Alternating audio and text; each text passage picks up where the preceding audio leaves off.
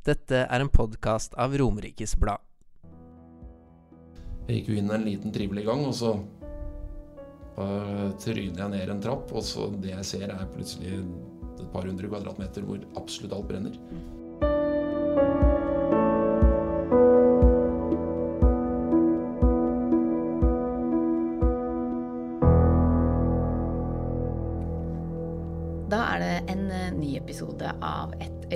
Med Seim og Seigerud. Velkommen til deg, Seim. Takk for det. Og velkommen til gjesten vår i dag, eh, Kenneth Vangen.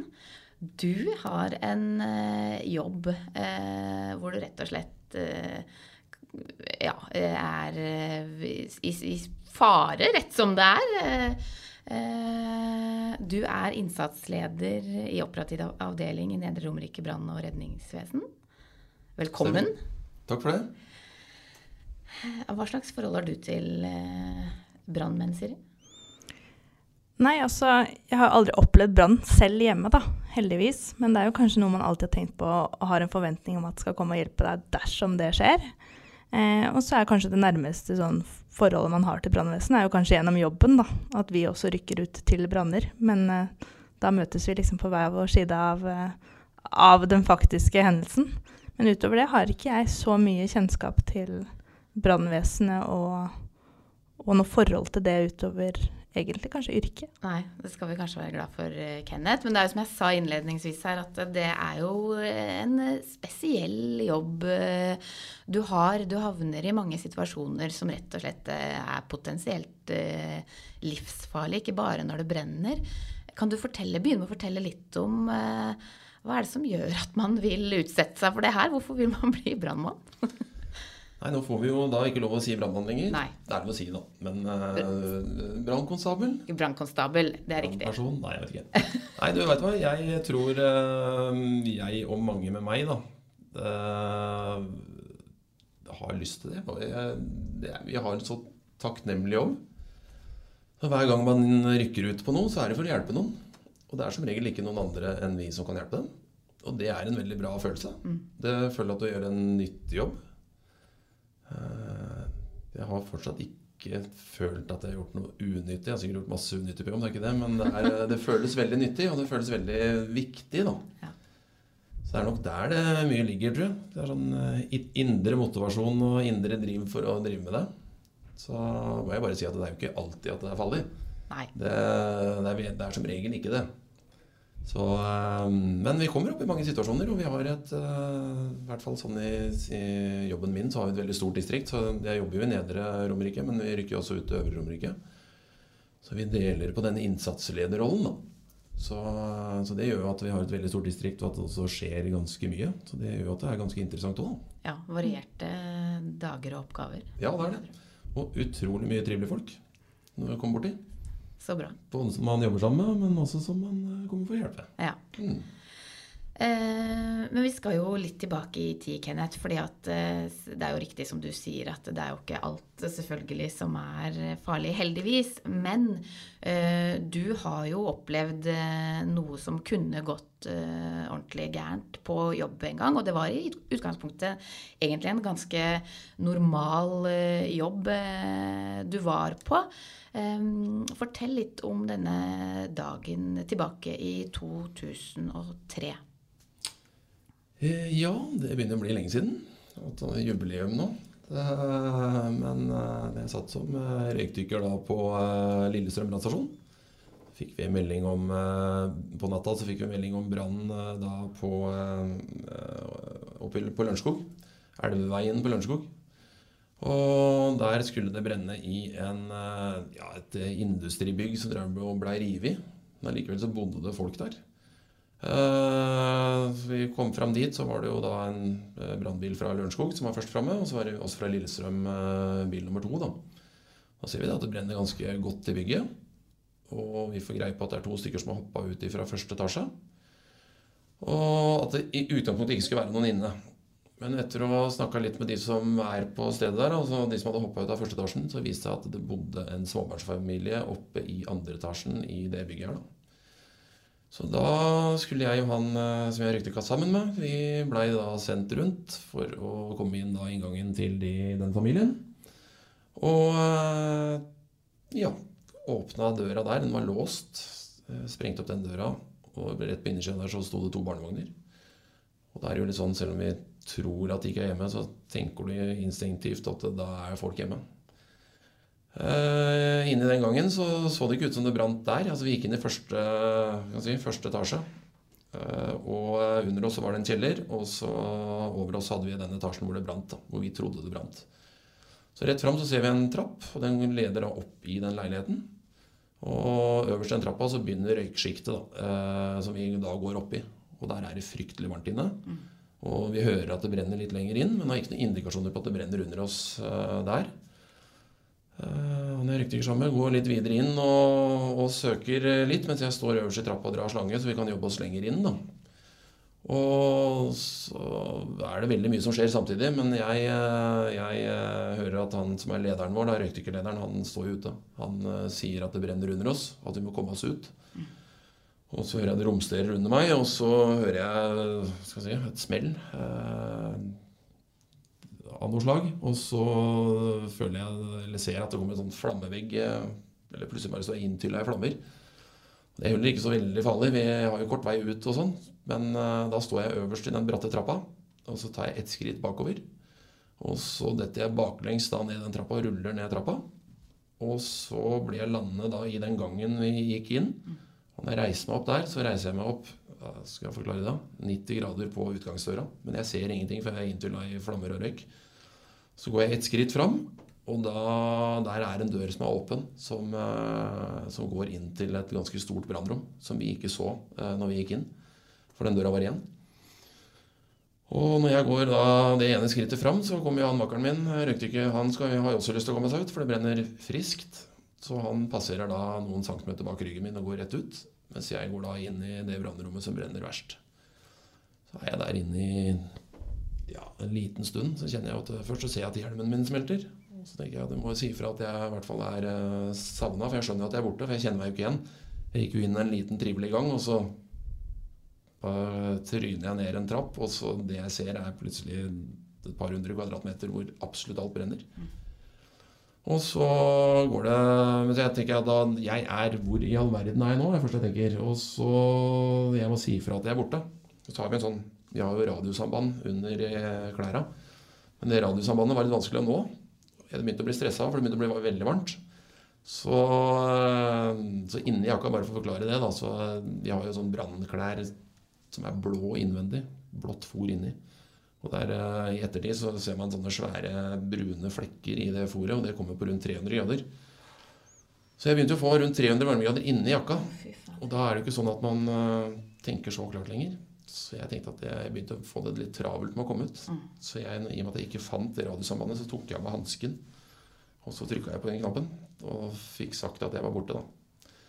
Uh, og det var nok uh, Jeg vil tro at det var traumatiserende for de som var der, faktisk, å høre på meg da. For jeg sier jo ikke at da er jeg savna. Det er jo mer dødsskrik av minnet dem har hørt, egentlig. Ja. Så hører jeg også at det er masse eleven på Sambandet. De- De skjønner i hvert fall at jeg er savna. Og, eh, og så går det bare noen sekunder, og så brenner eh, sambandet mitt opp. Så da hører jeg dem ikke lenger, da. Så går jeg et par skritt lenger inn, og så prøver jeg å, å få litt oversikt over hvor jeg er. Og så, det er jo ikke så fryktelig lett. Det er egentlig flammer overalt. Jeg føler at jeg sitter, sitter i en peis. Men jeg sett meg i hvert fall på huk, da, for er, jeg har jo såpass med opplæring at jeg skjønner at det her er kaldere langs bakken enn litt oppe. I, oppe. Men, eh, men det er helt glødende på gulvet, og det er eh, Ja, du ser en sånn overtenning. Det er liksom flammer rett foran maska mi, selv om jeg sitter helt langs med gulvet. Da finner jeg ut at jeg må prøve å komme meg ut på egen hånd, men eh, etter hvert, når det ikke er så vondt men det, For det slutter jo å gjøre litt vondt etter noen, noen et halvt minutt, kanskje, eller noe sånt. I hvert fall så er det det jeg husker. Så reiser jeg meg opp for å prøve å komme meg ut på en eller annen måte. Og idet jeg reiser meg opp, så ser jo han røykdykkerlederen meg gjennom tre dører. Og ser han bevegelsen, og så kommer den etter meg. Og spør om jeg skal være med ut. Og det har jeg veldig lyst til. Kan du si. Så blir jeg Da går vi, vi går ut. Han leder meg ut. Og jeg, det er jo åpent, så jeg kunne gått ut hele tida, men jeg så rett og slett ikke den utgangen. Jeg kjente meg ikke igjen, og var helt desorientert.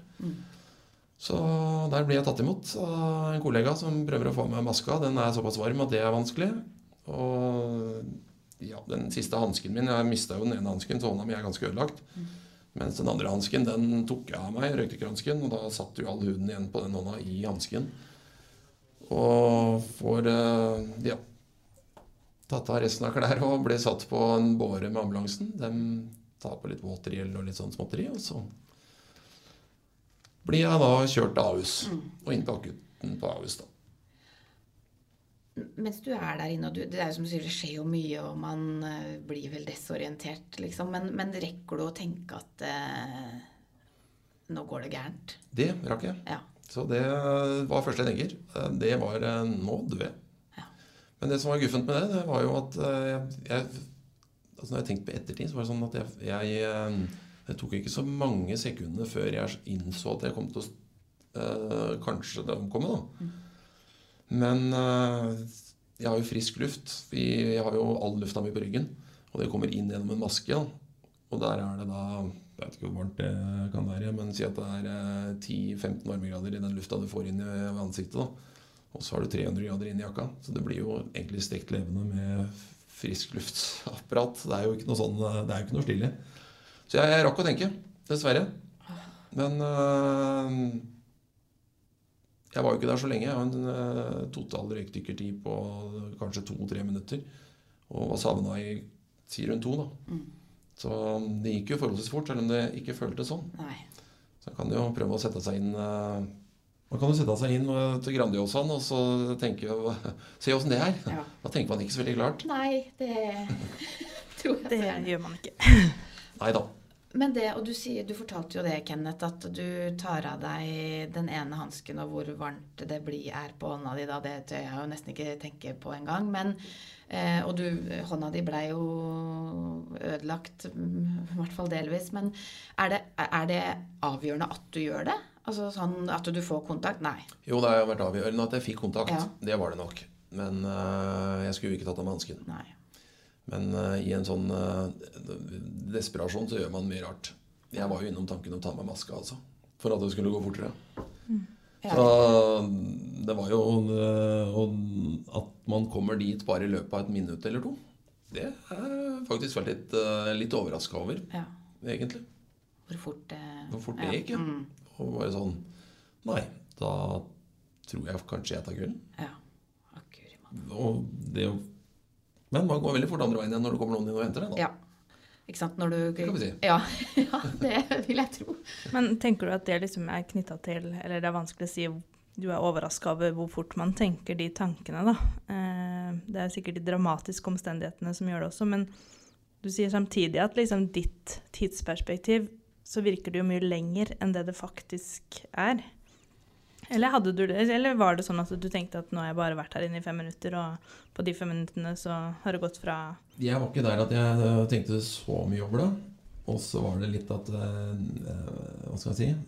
Jeg følte ikke at jeg hadde noe valg, egentlig. At det var sånn Ja, da Nå omkom jeg. For det var ikke noe Altså ved Man kjenner den intense smerten når man brenner seg. da. Den er, og den var jo over mesteparten av kroppen. Jeg var, øh, når jeg kom på Ahus, hadde jeg, var jeg forbrent på 75% av kroppen. Uh, og det er klart da Selv der hvor du ikke er forbrent, så har det også vært vondt. da så Det er en så intens smerte, så det var liksom ikke noe, det var ikke noe tvil om at jeg skulle ta kvelden. Det, det, det, det var ikke sånn Nei, jeg lurer på om jeg skal dø nå. Det, det, var liksom, det var ikke noe tvil, Nei. på en måte.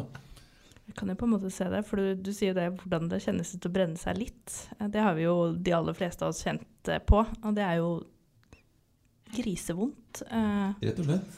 eh, og det er lite da, i sammenligning med 75% av kroppen, og har vært inni en ja, røykdykkerdrakt som i tillegg måler 300 grader. Eh, Samtidig som det er jo en er, Jeg vil ikke si at vi, vi er jo i utgangspunktet kledd for å tåle ganske mye. Og så viser jo dette at vi, eh, eh, vi er ikke kledd for å tåle alt. Og så er jo fordelen da for den generelle lytteren her at det er jo, kommer jo antagelig ikke i en sånn situasjon. Altså de, De fleste som da blir utsatt for dette, eh, håper jeg har røykvarsler. Så da kommer man seg ut lenge før det blir så varmt. Mm. Og hadde man ikke det, så er det kanskje en sånn trøst at røyken er litt suslete stusslig ennå. Så hvis man sover, så sovner man stille inn hvis man ikke har røykvarsler. Ja. Det er røyken som tar folk flest, holdt jeg på å si. Ja. ja. Det er jo i og for seg det. Mm. Mm.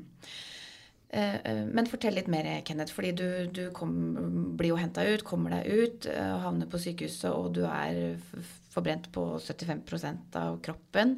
Og det er kjempealvorlig. Du er da inn og ut av koma en stund? Ja, jeg blir jo da flydd til Haukeland. Og så Der er det jo sånn Ja, jeg hadde, var forbrent på 75% av kroppen, men 3% tredjegrad når jeg kom inn. Og tredje grad, det er jo sånn, da må man bytte hud. Mm. Av og til også på andre grad. da. Men første grad er sånn som du som regel får hvis du brenner deg litt på en kaffekopp eller noe sånt uh, hjemme. Mm. Og kommer, for fort kjøling, da. Men, uh, men det er det at brannskader syns jo ikke sånn til å begynne med.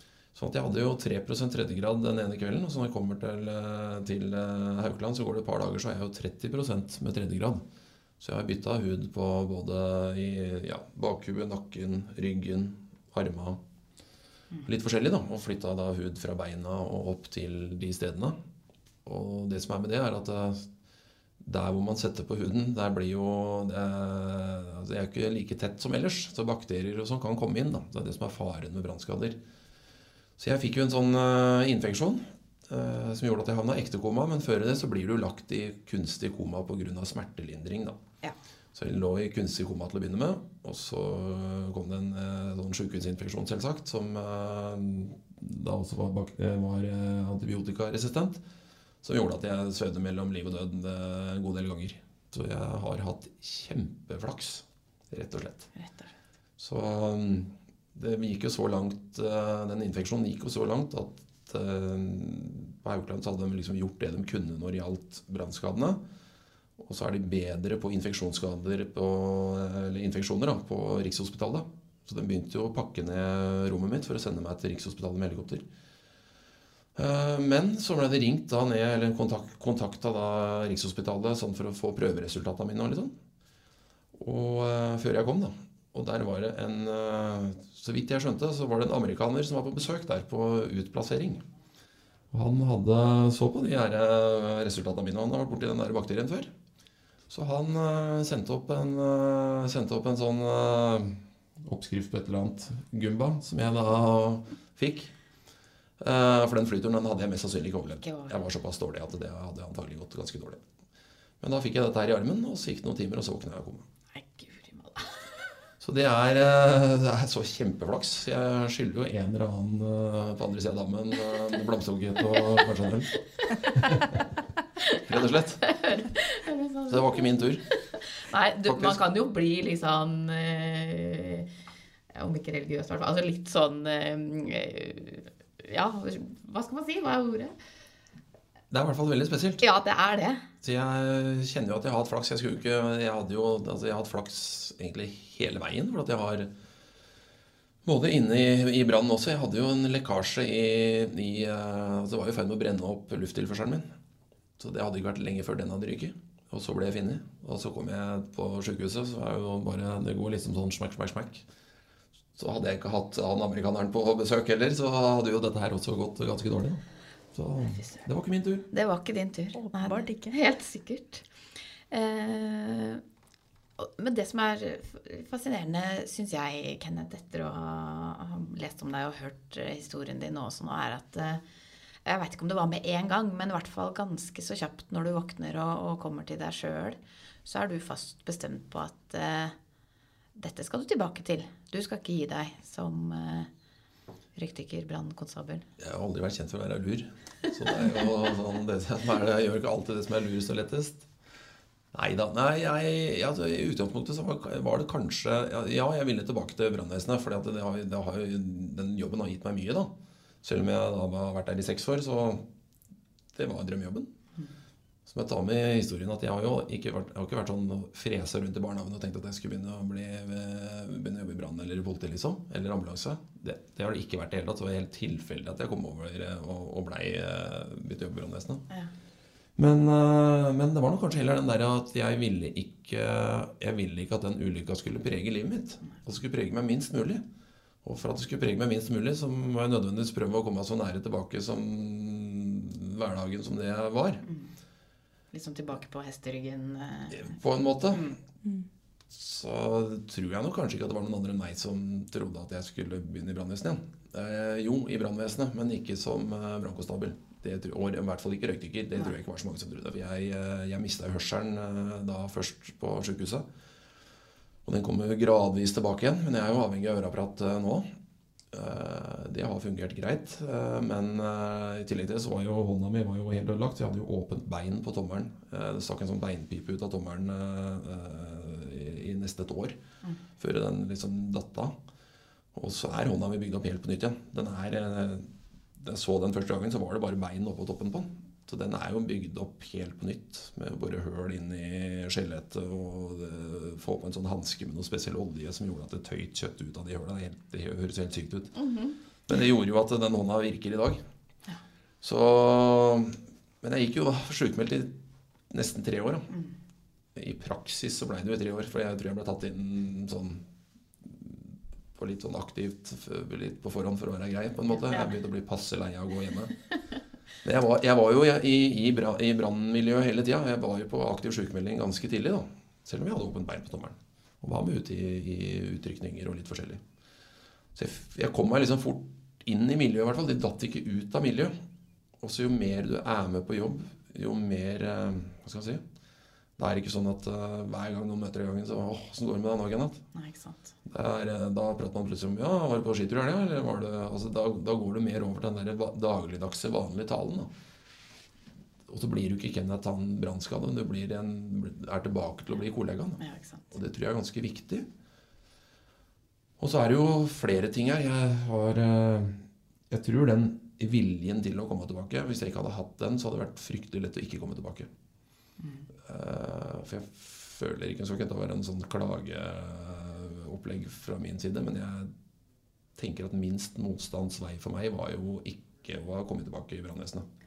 Det, det tror jeg ikke. Og det er, jo ikke noe i systemet som eh, tilrettelegger for, at eh, for, så individuell tilpasning så at jeg med mine skader skulle komme tilbake i brannvesenet.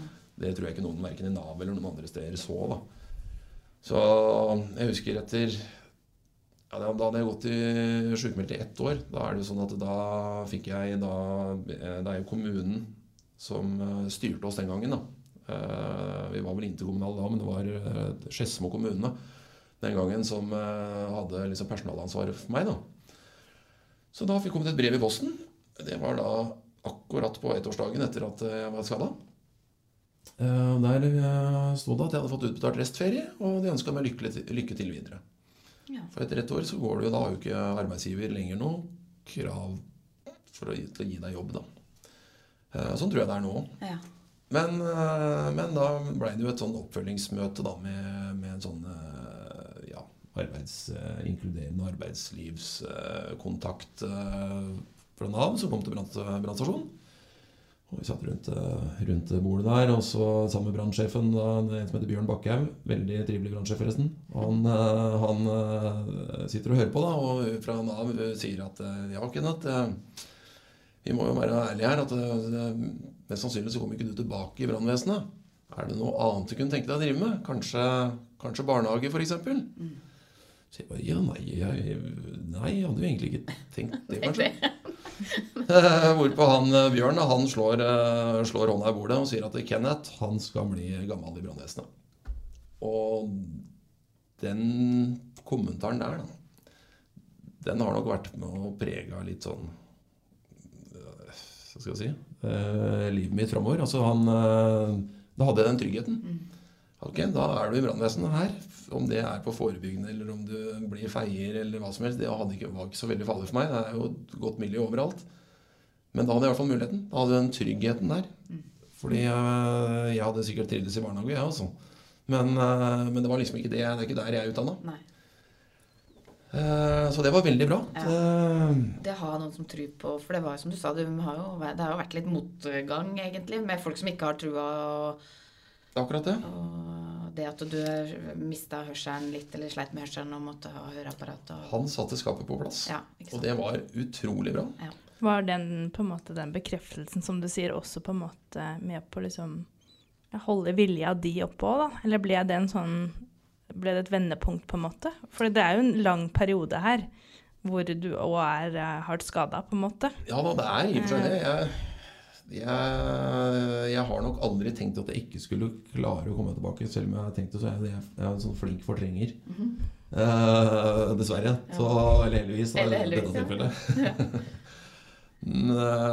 men, eh, men i den, i den akkurat den tida her sånn, så tenkte jeg nok at jeg var i ferd med å forsvinne ut. Og få den bekreftelsen. Den, den var jo den, Da fikk jeg jo i hvert fall enda mer lyst. Så det er nok helt riktig, det. altså. Og så var jo det bare starten på problemene, egentlig. Så det var jo, jeg har jo hatt mye problemer etter det. Eh, Men, eh, men da, det var liksom, da har jeg i hvert fall det grunnleggende på plass. Mm. Så det var, det var nok veldig viktig. Og, ha, og da har du jo også noen som faktisk tror på deg. Det tror jeg er viktig.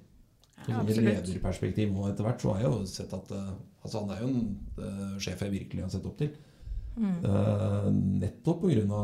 den kommentaren, Mm. faktisk. Så, så er det bra.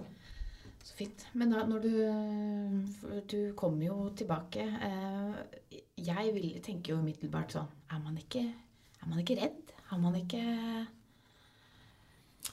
Etter det Jo. du har vært igjennom?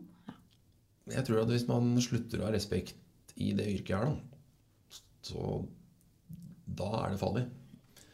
Eh, og så må jeg også bare si at de har aldri vært noen tøffing. Altså, sånn, de er sikkert mørkere enn da jeg var 15. Og var ikke, jeg har aldri vært noen sånn kjempebarsk og slåss masse og vært verdens tøffeste. Det har jeg overhodet ikke vært.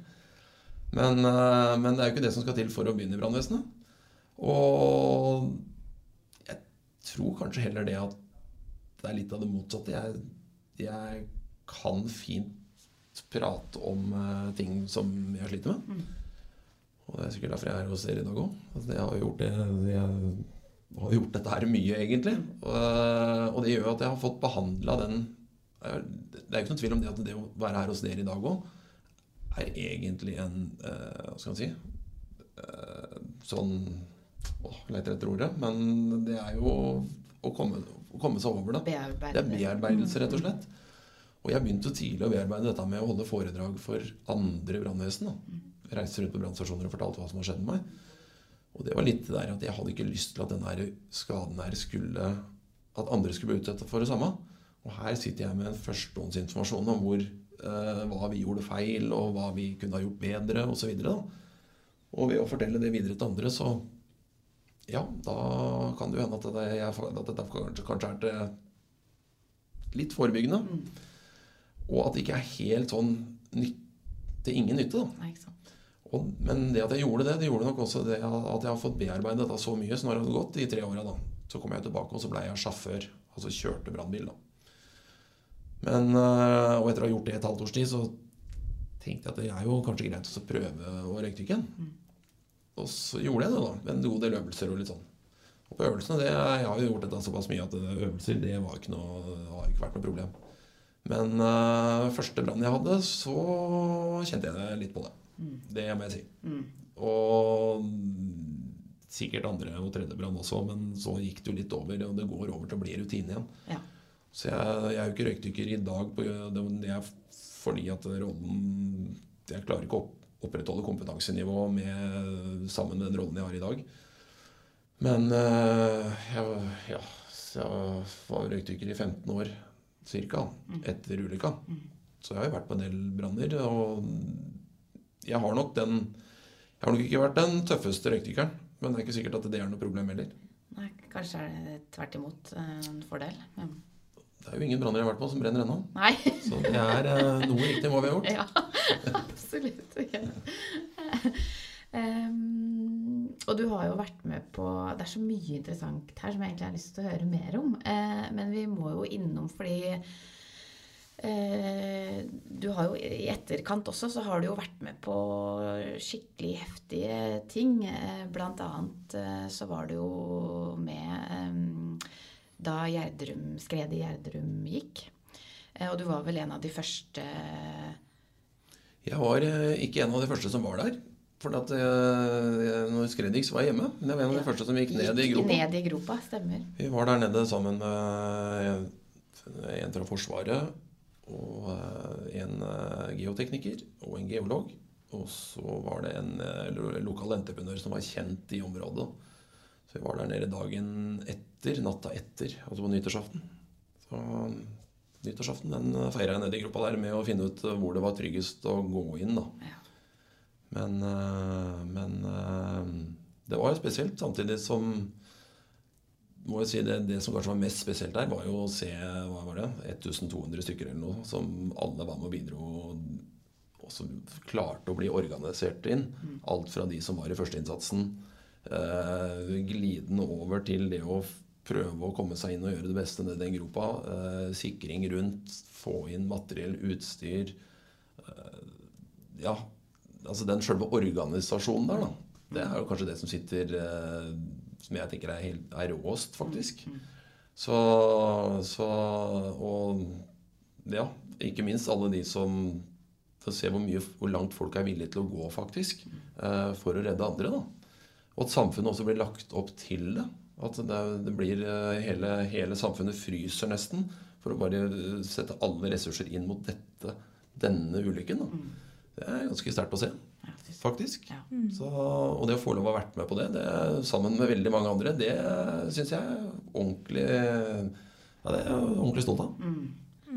Og det er kanskje noe av det som liksom gir motivasjon og er drivkraft. For det er jo også lett å tenke ikke sant? Du, ok, dere utsetter dere for ganske mye fare. Det har vi jo eh, hørt om nå. Eh, og så havner dere jo mange sånn situasjoner hvor dere møter sant, masse fortvila mennesker som altså etter Enten det er brann eller skred eller hva det nå er, så hvor man mister eh, alt, kanskje. Um, og liksom å stå i disse situasjonene, det må jo være utrolig tøft på en måte, selv om det sikkert blir rutine også. Uh, men det er kanskje det her med samhold og sånn som Ja, det er jo én ting, men det er en annen ting som jeg tror er litt viktig. Det, det er jo egentlig både på ulykka mi og på en vanlig brann. At når, når vi kommer dit, så snur det ofte. Ja, det kan hende det brenner helt ned, da, det er ikke det, men allikevel før eller siden så slukker det jo. Og sånn var det litt med ulykka mi òg. Altså, når jeg blei brannskadd, ja, så var det liksom ulykken. Og så våkner jeg opp, og så etter en tid på sykehuset hvor det går opp og ned, opp og ned, kunne gått alle veier, så kommer jeg hjem, og så går det jo én vei.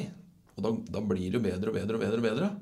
Så jeg, tenkt, jeg har faktisk tenkt at uh, la oss si man får en eller annen eh, diagnose, da, kreft eller andre ting, så kunne det vært tøffere. Da. Fordi at eh, da, man, da får man diagnosen når man er frisk. Og så skjer ulykken etter hvert som sykdommen utvikler seg. Og så deretter blir du kanskje frisk igjen. da, Kanskje. Og der var jo ikke jeg. Altså jeg har jo da Ok, det, så var det veldig stusslig det som skjedde, og ordentlig tøft. Men jeg merker jo at jeg blir bedre og bedre og bedre for hver dag, selv om det selvsagt går opp og ned opp og ned og går fryktelig sakte. Og sånn er det jo litt samme når vi er ute. Av og til går det sakte og blir bedre, men det blir som regel bedre, da. Eh, og vi er jo med å hjelpe.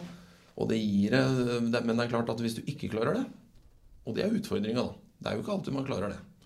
Og, og sånn som på, på de som var i førsteinnsatsen på Gjerdrum, har jeg prata en god del med de. Det er klart det er en annen type vinkling inn enn det jeg hadde når jeg var der nede. Selv om jeg, var- vi rusla ned og kikka for å prøve å komme inn i det skredet. Så tror jeg nok Da ser du jo altså Først så har du venta til risikoen litt. Det, det, risikoen er kjent. Ok, det kan komme et skred til. Mens de som var i, helt i begynnelsen der, da, de går jo da inn og veit jo egentlig ikke om det kommer et skred til. Så én ting er de som går inn, men så er det også de som sender dem inn. Så det er nok en eh, det jeg ganske djup respekt for. Og det er noe jeg har prøvd å eh, som jeg tror er viktig. Så vi må prøve å få, få delt rundt til andre brannvesen også. For dette vi, altså jeg jobber som, eller jeg, vi jobber jo det, intuitivt ofte. Vi veit egentlig ikke hva folk har inne i huset sitt. Vi veit kanskje ikke helt hvor det brenner. Vi veit ikke om det kommer et skred til. Altså Det er veldig uvisst, veldig mye av det vi driver med. Og da fyller vi på inn i hodet med eh, enten kompetanse eller hva man har sett før, vært med på tidligere. Og så danner man seg- et sånn cirka bilde for å få en forståelse av hva dette er. da.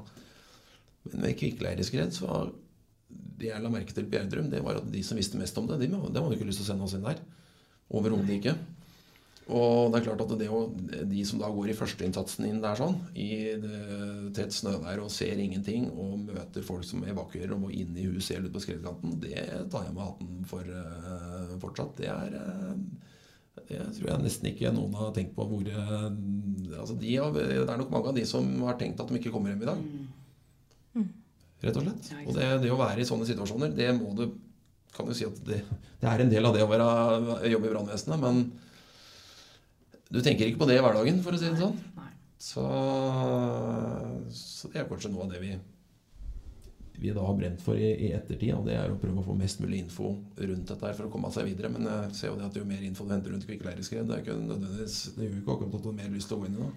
Nei, det tror jeg det sånn. gjerne. Ja. Men sånn som dere er jo på en måte Du er jo inne på det at man liksom skaffer seg jo erfaring, og man på en måte gjør seg noen tanker i ettertid. Men hvordan er det For, et, for en annen side av det er jo at dere reiser jo til hjem eller til Gjerdrum, da, hvor det er hus og menneskeliv som står på spill.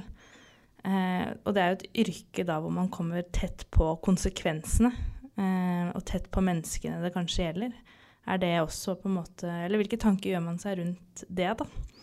Um, Jeg, nå er jo eh, Når noen ser meg på et skadested, så er det jo litt eh, Da er det litt alvorligere enn bare en, eh, en, eh, en automatisk brannalarm eller en, en mindre ulykke.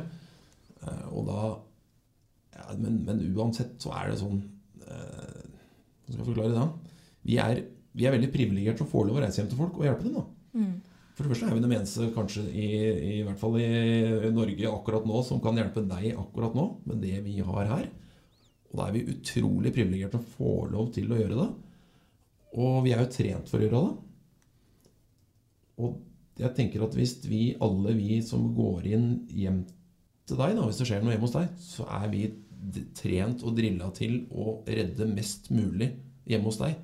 Ikke bare av uh, tinga dine, men andre ting òg. Altså, vi, er, vi er trent og drilla til at det livet ditt Vi skal redde mest mulig av, av alt. da. Og, og det er jo det som er noe med, med Vi har jo en- Brannvesenet har, vært en del i endring de siste åra. Og vi skal eh, Nå har vi eh, Og særlig lederfilosofien er eh, ute. Er endra ganske mye. Og Tidligere så var hva skal si, målet vårt med å komme fram var å slukke brann. Og det er jo et mål som alle skjønner at brannvesenet skal ut og slukke brann. Men selv om huset brenner helt ned, så har vi jo nådd målet. Vi har slukket brann. Mens nå er vi mer spesifikke, og vi, vi spør ofte. Så hvis det brenner hjemme hos deg nå, så skal det være en utrykningsleder eller en innsatsleder som meg som skal spørre deg i løpet av ganske kort tid hva er det viktigste for deg å redde. For det er jo ikke sikkert at det er huset ditt eh, altså Huset er sikkert viktig å redde, men det kan være at du har et maleri nede i kjelleren, eller at du har en bunad, eller at du har eh, et eller annet annet rundt huset som betyr veldig veldig mye for deg. da. Og da er det viktig for oss å redde det også, i tillegg. Og vi har ofte et begrensa tidsvindu på å redde det. da. Eh, I tillegg til det så er det også mange som har mye forskjellig hjemme i huset. Og som det ikke er sikkert at du vil at naboen skal se. Uh, og da er det kanskje dumt at vi drar alt dette ut og strør utover gårdsplassen og fniser og ler og, og prater om dette her uh, utover, og ødelegger altså omdømmet til de vi kommer til òg. Så vi skal ivareta alle Altså de vi kommer til, er i, i ofte i ytterste nød. Og da skal vi ivareta dem på en best mulig måte i alle ledd. da. Mm. Og det føler jeg og mener at vi er på, en he, på et helt annet nivå nå enn vi var for bare noen få år tilbake. Og vi har veldig fokus på nettopp dette her, da. Mm. Rett og slett. Mm, så bra. Eh, vi må begynne å runde av, men kan du si helt sånn til slutt, Kenneth, er det sånn til folk som sitter og hører på, hva er det hva er det vi eh, gjør feil? Jeg skal ikke spørre deg om liksom, hva som irriterer deg, eller hva du blir forbanna over. Sånne ting folk gjør. eh, Men hva, vi går inn i, i, mot jula nå, ikke sant. Levende lys og mye greier. Jeg vet ikke om det er, har noe å si. Men hva er det folk eh, kan bli flinkere til? Nei, hva skal, hva skal jeg si om det? Jeg, jeg, jeg syns jo faktisk at folk er veldig flinke, Flinke. generelt. Og, men hvis vi kommer til steder hvor det ikke er røykvarsler, det tenker jeg er eh, såpass uansvarlig at det er, eh, det er absolutt, absolutt det viktigste, uansett om det er nå eller ellers. Ja. Jeg sitter jo og føler at det brenner like mye i juli som det gjør i jula. Ja, det gjør det sikkert. Men, eh, men, men det brenner mer i jula. Det gjør det. Og at folk Det er ikke bare for egen sikkerhet, men også andres sikkerhet. At, at man har Forebygging, det er jo det som virker. Det er hvis du får besøk av oss. Det vil du ikke ha. Vi skal hjelpe deg så godt vi kan, men du vil ikke ha besøk av oss. Nei, du er, du er veldig hyggelig, Kenneth, men jeg er glad vi møtes her og ikke, ikke hjemme i det brennende huset mitt. For Jeg er veldig glad for faktisk. Du, Kenneth, tusen takk for at du kom til oss og delte din historie. Veldig eh, fint å høre på deg. Takk for at jeg fikk komme.